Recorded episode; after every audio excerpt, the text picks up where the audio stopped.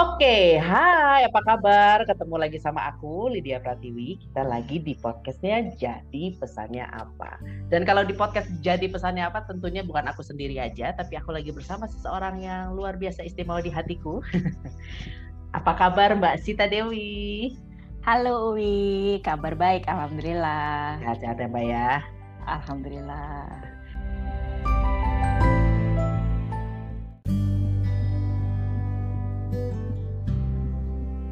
Nah, Mbak Sita ini adalah seorang terapis, psikoterapis juga, tapi daripada aku sok tahu, mending Mbak Sita mm-hmm. perkenalkan diri aja.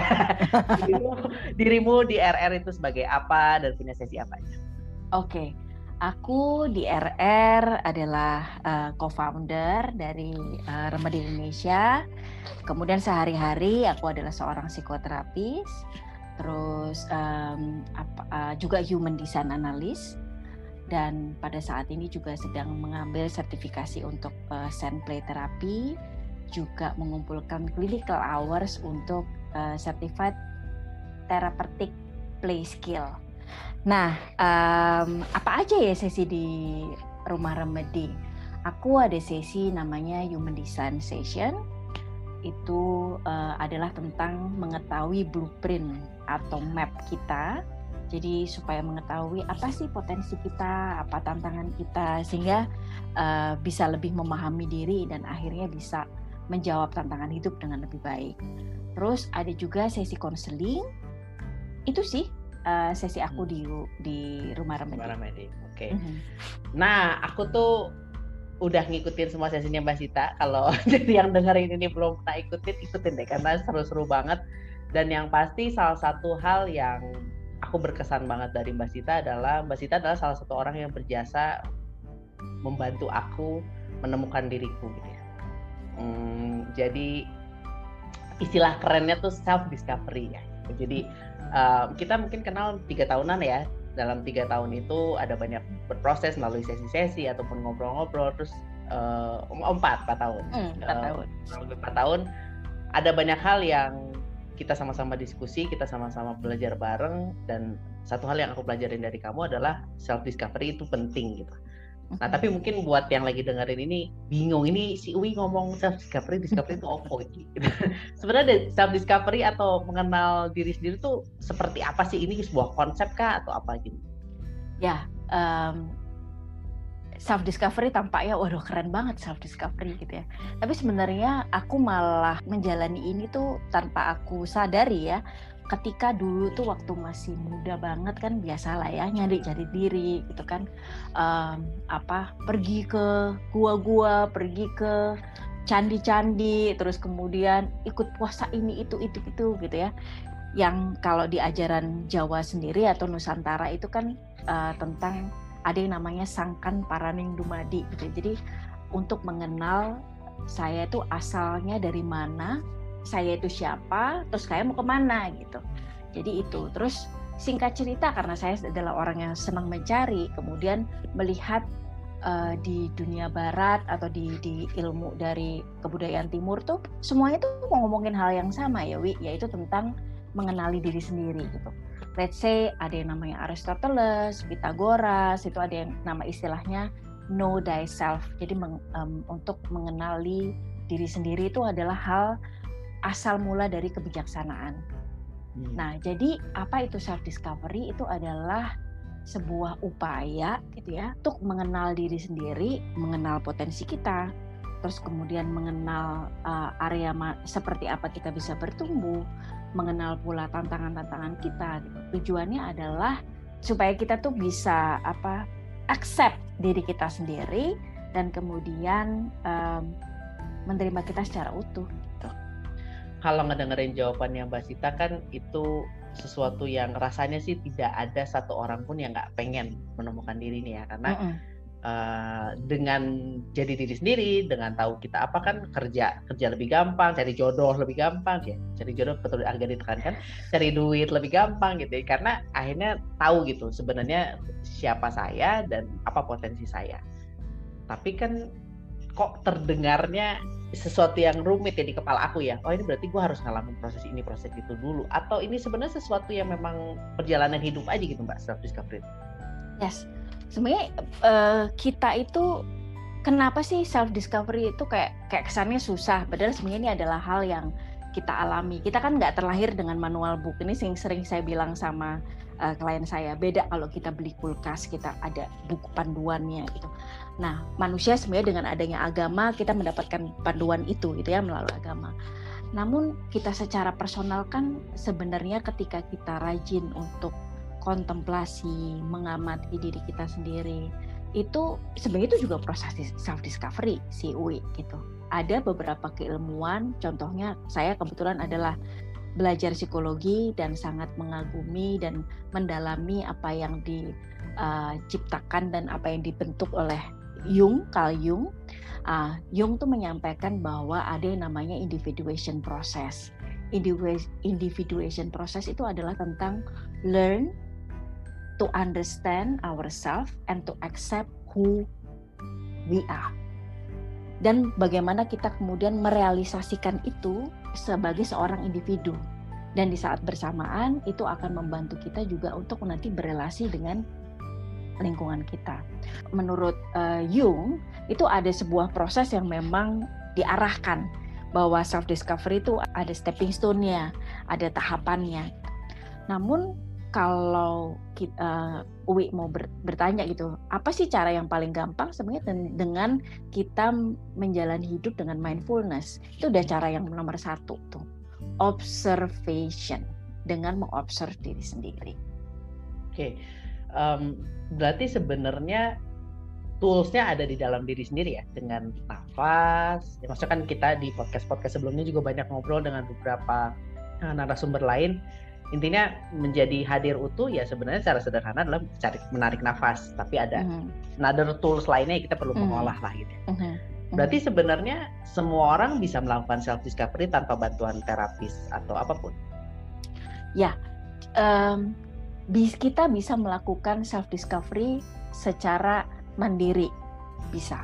Namun kalau kita merunut ya, untuk mengenal diri sendiri itu nggak gampang loh, Uli. Mm-hmm. Karena begini, uh, kita ini kan punya mindset ya, cara pandang gitu ya. Uh, mindset kita itu akhirnya membentuk juga persepsi kita, bagaimana kita melihat dunia luar. Jadi uh, bagaimana kita dibesarkan, bagaimana kita punya pendidikan, terus bagaimana mindset kita itu menentukan setidaknya itu 90% bagaimana kita melihat dunia luar. Hmm. Nah, bayangkan uh, apabila bagaimana ini kita punya bekal nih di dalam mindset kita uh, untuk melihat diri diri kita itu belum tentu gampang. Bisa jadi ada distorsi dalam memandang diri kita sendiri ada satu tools di dalam psikologi namanya Johari Window. Johari Window itu membagi untuk mengenal diri kita sendiri itu menjadi empat bagian, empat window. Bagian pertama namanya open self. Ini aku nih, orang lain juga lihat, hey itu Sita gitu. Ini aku nih orangnya, misalnya saya um, menampilkan diri saya sebagai orang yang hangat misalnya. Orang lain juga melihat, oh ya Sita orangnya hangat. Klop nih kalau di dunia marketing antara branding sama perceive dari brand itu klop. Itu namanya adalah open self. Hmm. Lalu ada yang namanya hidden self. Hidden self itu adalah bagian dari diri kita yang sengaja kita sembunyikan karena alasan privacy. Tapi orang lain nggak bisa lihat itu. Hmm. Nah, ada bagian yang namanya blind self. Nah, blind self ini nih, orang lain lihat bagian ini dari kita karena ini adalah hal yang tanpa sengaja kita perlihatkan dengan perilaku kita, kebiasaan kita gitu ya. Hal-hal yang refleks kita lakukan, orang lain ngamati, tapi kita suka nggak bisa ngelihat. Namanya juga blind spot yeah. gitu ya. Nah, dari sini aja untuk kenal diri sendiri kita butuh bantuan orang ya, Wi. Betul. Lalu ada satu bagian lagi yang orang lain nggak tahu, kita juga nggak tahu. Nah, ini jelas butuh sebuah metode butuh tools, butuh bantuan orang ketiga, bisa terapis, bisa fasilitator untuk bisa memahami ini. Meskipun bagian di unknown self ini yang notabene ini adalah area unconscious kita, itu bisa kita sadari ketika kita berlatih mindfulness, kita berlatih beberapa tools pada saat kita menghadapi tantangan dalam hidup kita. Hmm. Misal, manusia ini kan bertumbuh dua hal, entah karena pain, entah karena gain. Ada sesuatu yang hmm. menguntungkan gitu, ada reward gitu. Nah, biasanya kalau kebanyakan gain, nggak heran kalau di kitab suci kalau diberikan kenikmatan itu hati-hati itu bikin kita lupa gitu ya. karena kita jadi susah untuk eling atau hmm. atau melihat gitu ya. nah kalau dikasih pain biasanya kita melek tuh wake up call gitu kan hmm. nah pada saat um, let's say seseorang um, sering banget di ghosting gitu kan satu kali di ghosting nggak kerasa dua kali di ghosting nggak kerasa tiga kali di ghosting ini kenapa ya saya sampai tiga hmm. kali kena ghosting. Dan kita mulai kan akhirnya oh apa ada bagian dari diriku ya menyebab yang menyebabkan si ghosting ini terjadi gitu kan. So repeating pattern itu adalah salah satu cara untuk sebenarnya menguak area si unknown self ini. Gitu. Dibahasnya ghosting lagi aku langsung itu dekat juga dengan ya, masa laluku Tapi menariknya um, kita lagi sudah setahun lebih kita berjuang di pandemi itu, Mbak ya. Mm-hmm. Ada kalau aku melihatnya kan pandemi ini memang merumahkan, jadi benar-benar kembali ke dalam diri itu yang aku rasakan gitu. Mm-hmm. Uh, jadi sebenarnya self discoveringnya tuh lebih kayak dipaksa gitu. quote in quote suasana membuat dipaksa karena di rumah akhirnya perlu banyak ngobrol sama diri sendiri gitu. Nah aku ingat waktu itu uh, Mbak Sita pernah membuat sesi uh, di rumah remedi dan self discoveringnya pakai tarot dan kebetulan aku juga pembaca tarot. Uh, nah apakah memang self discovering itu membutuhkan tools-tools seperti tarot? Ya tadi kan Mbak Sita udah bilang ya kita bisa ke terapis, tapi kalau kita mau sendiri gitu di rumah karena lagi di rumahin aja gitu. Apa aja sih tools-tools yang bisa kita pakai sendiri di rumah gitu kan? Ya kita untuk tools uh, kenapa waktu itu tarot itu karena uh, gini saya tertarik banget untuk ngupas tarot karena saya juga dulu kan uh, saya pencinta tarot sama kayak Uwi gitu ya wacana tarot juga tapi tarot ini kan banyak di apa ya diselimuti dengan uh, apa pemahaman-pemahaman yang ataupun apa ya prasangka gitu ya. Tapi ya tidak tidak menutup kemungkinan memang beberapa praktek menggunakan tarot itu uh, yang menimbulkan prasangka tersebut gitu ya. Hmm. tapi sebenarnya kalau kita lihat lebih dalam lagi terutama dari cara pandang dari sisi Jung tarot itu kan uh, tokoh-tokoh ataupun cerita dalam tarot itu tuh terutama mayor arkana ya kita akan bisa melihat itu seperti sebuah siklus kehidupan mulai dari the full sampai kemudian the word, uh, the word. dari awal uh, alpha sama omega gitu. Jadi awal sampai akhir gitu ya sampai penutup.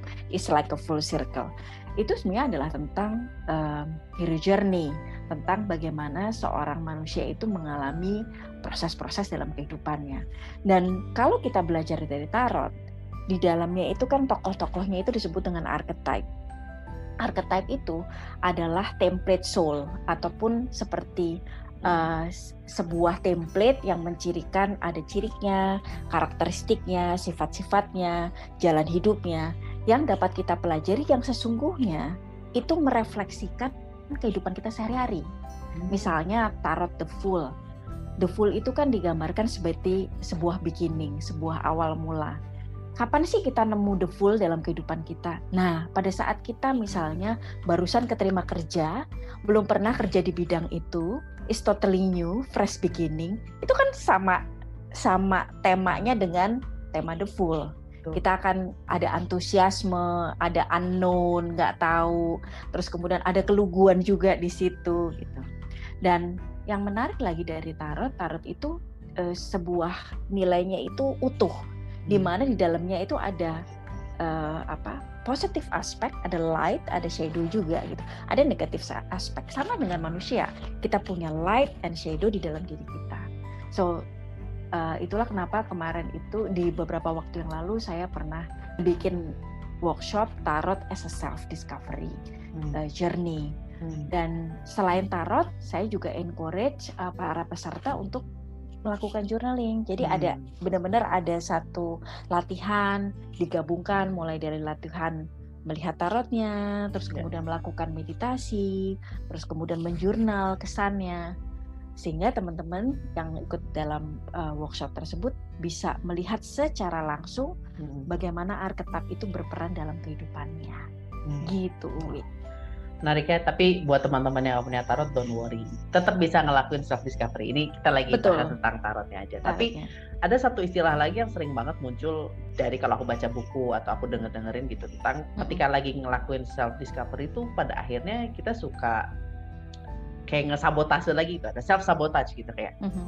Udah ini simpel ya kayak misalkan uh, kalau aku pattern yang lagi sering muncul adalah misalkan tentang finansial gitu kok gue nggak dibayar-bayar kok gue nggak dibayar-bayar terus lama-lama mulai ah, pasti karena gue ini nih gitu lama-lama hmm. mulai makin dalam makin dalam akhirnya jadi oh I'm not worth it gitu itu salah satu hmm. bentuk uh, menurut aku self sabotage gitu tapi sebenarnya konsep itu tuh seperti apa sih mbak? Oke okay.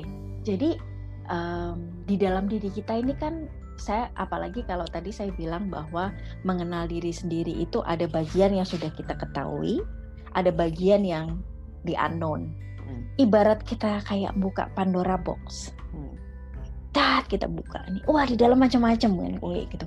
Kita bisa nemu uh, apa tantangan kita. Kita bisa nemu hal yang paling kita nggak suka gitu. Kita bisa nemu ketakutan kita. Kita bisa juga nemu good memory. Good memory tentang diri kita masa kecil, good memory kita sama teman-teman kita. Tapi juga bisa nemu hal-hal yang bikin kita trauma.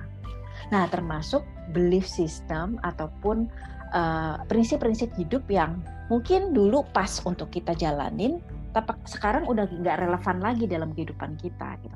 Nah, bayangkan kita membuka Pandora box, memang yang perlu banget untuk kita sadari ketika kita sudah uh, mau nih, oke, okay, gue niatin nih untuk self discovery. So intention tuh penting banget, hmm. karena intention itu berarti kita put our uh, attention ke apa pun yang kita lakukan. Hmm. Jadi kenapa sih tampaknya tadi kalau Ubi tanya self discovery kayaknya rumit gitu. Hmm. Sebenarnya yang membedakan antara kita menjalani hidup kita seharian tanpa dikasih label self discovery dengan oke okay, kita self discovery adalah attentionnya, intentionnya. Karena pada saat oke, okay, gue mau self discovery, apa pun yang hadir, kita akan lihat itu. Oh, ternyata gue masih punya pola begini. Oh, ternyata begitu ada challenge model kayak gini gue mundur lagi nih oh ada apa nih kita jadi ngalu gitu sih jadi kayak um, kalau aku ngelihat penjelasan Mbak Sita yang terakhir pada dasarnya intinya kayak kita kayak lagi nonton hidup kita sendiri gitu ya mm-hmm. jadi sebenarnya mungkin yang perlu dilakukan adalah kadang-kadang duduk tapi duduk di kursi penonton gitu Mm. Oh, gue kemarin ngelakuinnya gini gini gini, makanya jadinya begini gitu. Kadang-kadang kan kita di dalam movie-nya terus nih sampai lupa betul, nih gitu. Betul, betul. Ah itu itu analogi yang sangat bagus, Uli. Bahwa selama ini dalam kehidupan sehari-hari, eh, kalau di Jawa tuh kan ada istilah urip mung numpang ngombe bahwa hidup tuh cuma numpang, numpang lewat sebenarnya gitu kan. Nah, tapi numpang lewat dalam kehidupan itu menjadi sangat berarti bukan cuma kita lahir terus habis itu ngapain kalau udah cuma lahir habis itu kita mati gitu ya. Ya, bagaimana kita mengisi di antaranya ini yang menjadi matters gitu kan. Jadi pada saat kita menumpang tadi sering kali kita terlalu menghayati. Hmm. Uh, kita jadinya mengidentifikasi saya adalah pikiran saya saya adalah emosi saya. Saya pem, saya suka marah-marah. Oh, berarti saya pemarah gitu. Saya sering sedih. Oh, berarti saya orangnya gloomy gitu. Padahal semua emosi itu adalah tamu dalam kehidupan kita gitu kan. Nah, dengan kita melakukan uh, mindfulness atau observation gitu, mengobserve gitu ya. Itu kan akhirnya kita belajar untuk melihat oh hidup hidup saya di sini, ini saya mengamati sebagai orang yang netral. Nah, itu butuh latihan tuh Uwi Hmm. Dan itu nggak gampang kita melakukan uh, apa ibaratnya memisahkan diri kita dan uh, di saat yang sama kita juga bertanggung jawab atas apa pun yang kita lakukan itu kan. Benar benar benar. benar. Tapi menariknya adalah uh, self discovery ini kalau aku lihat ya di media sosial gitu memang lagi menjadi topik yang digadang-gadang banyak hmm. orang gitu. Uh, ayo dong lakukan lakukan lakukan. Apa sih dampak terbesar dalam hidupmu setelah you do the self discovery? Saya jadi lebih punya hidup yang meaningful. Hmm. Wow. Ini mungkin buat orang berbeda-beda gitu ya, tapi buat saya, saya jadi menghargai hal-hal kecil tuh lebih gampang gitu. Jadi kayak invite wow, invite au au gitu awe gitu dalam hidup kita tuh lebih gampang karena kita jadi ngelihat something tuh yang beauty in everything tuh indeed. Saya jadi lebih hmm. bisa ngelihat gitu loh gitu. Dan akhirnya endingnya jadi gampang bersyukur. Bukan dan, dicoba-coba paksa bersyukur tapi real bukan iya. Itu datang dari dal seperti kayak kayak sesuatu yang meretas gitu yang kayak wah gitu. Luar biasa ya gitu. Eh, hal-hal uh, kecil aja kayak misalnya uh, saya kan kalau belajar mindfulness kan benar-benar mulai belajar kayak panca indera gitu ya. Mulai dari nyium makan dikurangin kalau dulu tuh kalau makan bakso misalnya, wah itu belum apa-apa tuh sambel. Kebetulan saya sama Uwi ini penyuka bakso ya. Sambel, kecap, apa pun dimasukin duluan gitu. Kalau sekarang bener-bener ya coba ngerasain, wah kuahnya dulu enak ya gitu. Jadi akhirnya menghargai hal-hal kecil. Ya, ya. Kalau kita menghargai hal-hal kecil, kita pun akan menghargai diri kita juga untuk menjadi otentik. Wow. Ih, merinding aku merinding banget. Nggak maksudku karena um, mindful full penuh sama mindful L-nya satu itu tipis banget ya menurut aku ya gitu. Um, untuk bisa merubah yang L-nya dua jadi satu ya self discovery salah satunya gitu. Apalagi kita lagi pandemi ini pikiran segala kekalutan segala hal self judgment apa segala macam tuh lagi terus terusan datang tapi walaupun mungkin jernih kita berbeda gitu um, tapi yang aku rasakan dengan mulai melakukan self discovery aku mulai bisa ngomong sama pikiran aku kita satu-satu dulu yuk gitu. Yang bisa aku handle yang ini dulu karena aku jadi tahu limit aku gitu. Hmm, terus hmm. hal-hal sederhana kayak kayaknya itu gak worth it deh kalau gua kejar gitu. Itu tuh jadi bikin apa ya jadi tahu kapan perlu lari, kapan perlu duduk, kapan perlu tidur gitu dan hmm. benar kata Mbak Sita sih jadi akhirnya bisa tidur pun dinikmatin gitu, disyukuri hmm. gitu ya. Betul, betul. Betul, aku suka banget bagaimana kamu elaborate uh, eh, self discovery membantumu untuk tahu kapasitas dan limitasi juga gitu. Jadi kita jadi gampang untuk mengatakan I'm enough. Hmm. hmm. Gitu kan? Um, karena ya jujur saja ya kita hidup di era yang semuanya serba hasil gitu, semuanya serba cepat, kita berkompetisi gitu.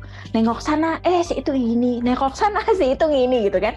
Bayangin kalau nggak melakukan ini gitu ya untuk untuk untuk kepentingan kita sendiri sih sebenarnya self discovery ini gitu. Kita gampang banget akan keseret kanan dan kiri gitu. Dan itu akan membuat kita pada akhirnya jadinya hidup tuh jadi kayak hamster yang nggak ada habis-habisnya dan akhirnya capek sendiri gitu. Padahal pandemi ini mengajarkan ke kita bahwa um, yang matters tuh pada akhirnya kita bisa bermanfaat sampai hal yang mungkin dari hal yang paling kecil aja buat orang sekitar dan diri kita sendiri. Tuh, tuh. Seru banget dan berbobot sekali tapi sesuai judul podcast kita dari obrolan kita hari ini. Menurut Mbak Cita apa pesannya dari obrolan kita? Jadi pesannya apa nih Mbak? Jadi pesannya uh, buat saya personal dan buat semoga buat buat uh, pendengar dari podcast uh, ini itu adalah penting loh untuk kenal diri sendiri. Karena pada akhirnya siapa sih teman terdekat kita? Ya diri kita sendiri. So nggak ada ruginya kok untuk benar-benar sungguh-sungguh meluangkan waktu memberikan attention ataupun perhatian penuh pada diri sendiri, um, melakukan habit ataupun melatih diri, proses untuk mengenal diri, mulai dari melakukan journaling, uh, kemudian observasi, terus kemudian juga bisa mempraktekkan bagaimana tools ataupun alat-alat uh, metode untuk coping me mekanisme uh, mengelola emosi sehingga kita bisa tetap ajak So, apabila kita bisa mengenal diri kita sendiri, pada akhirnya keuntungannya juga untuk diri sendiri. Kita akan memiliki kehidupan yang lebih fulfilling.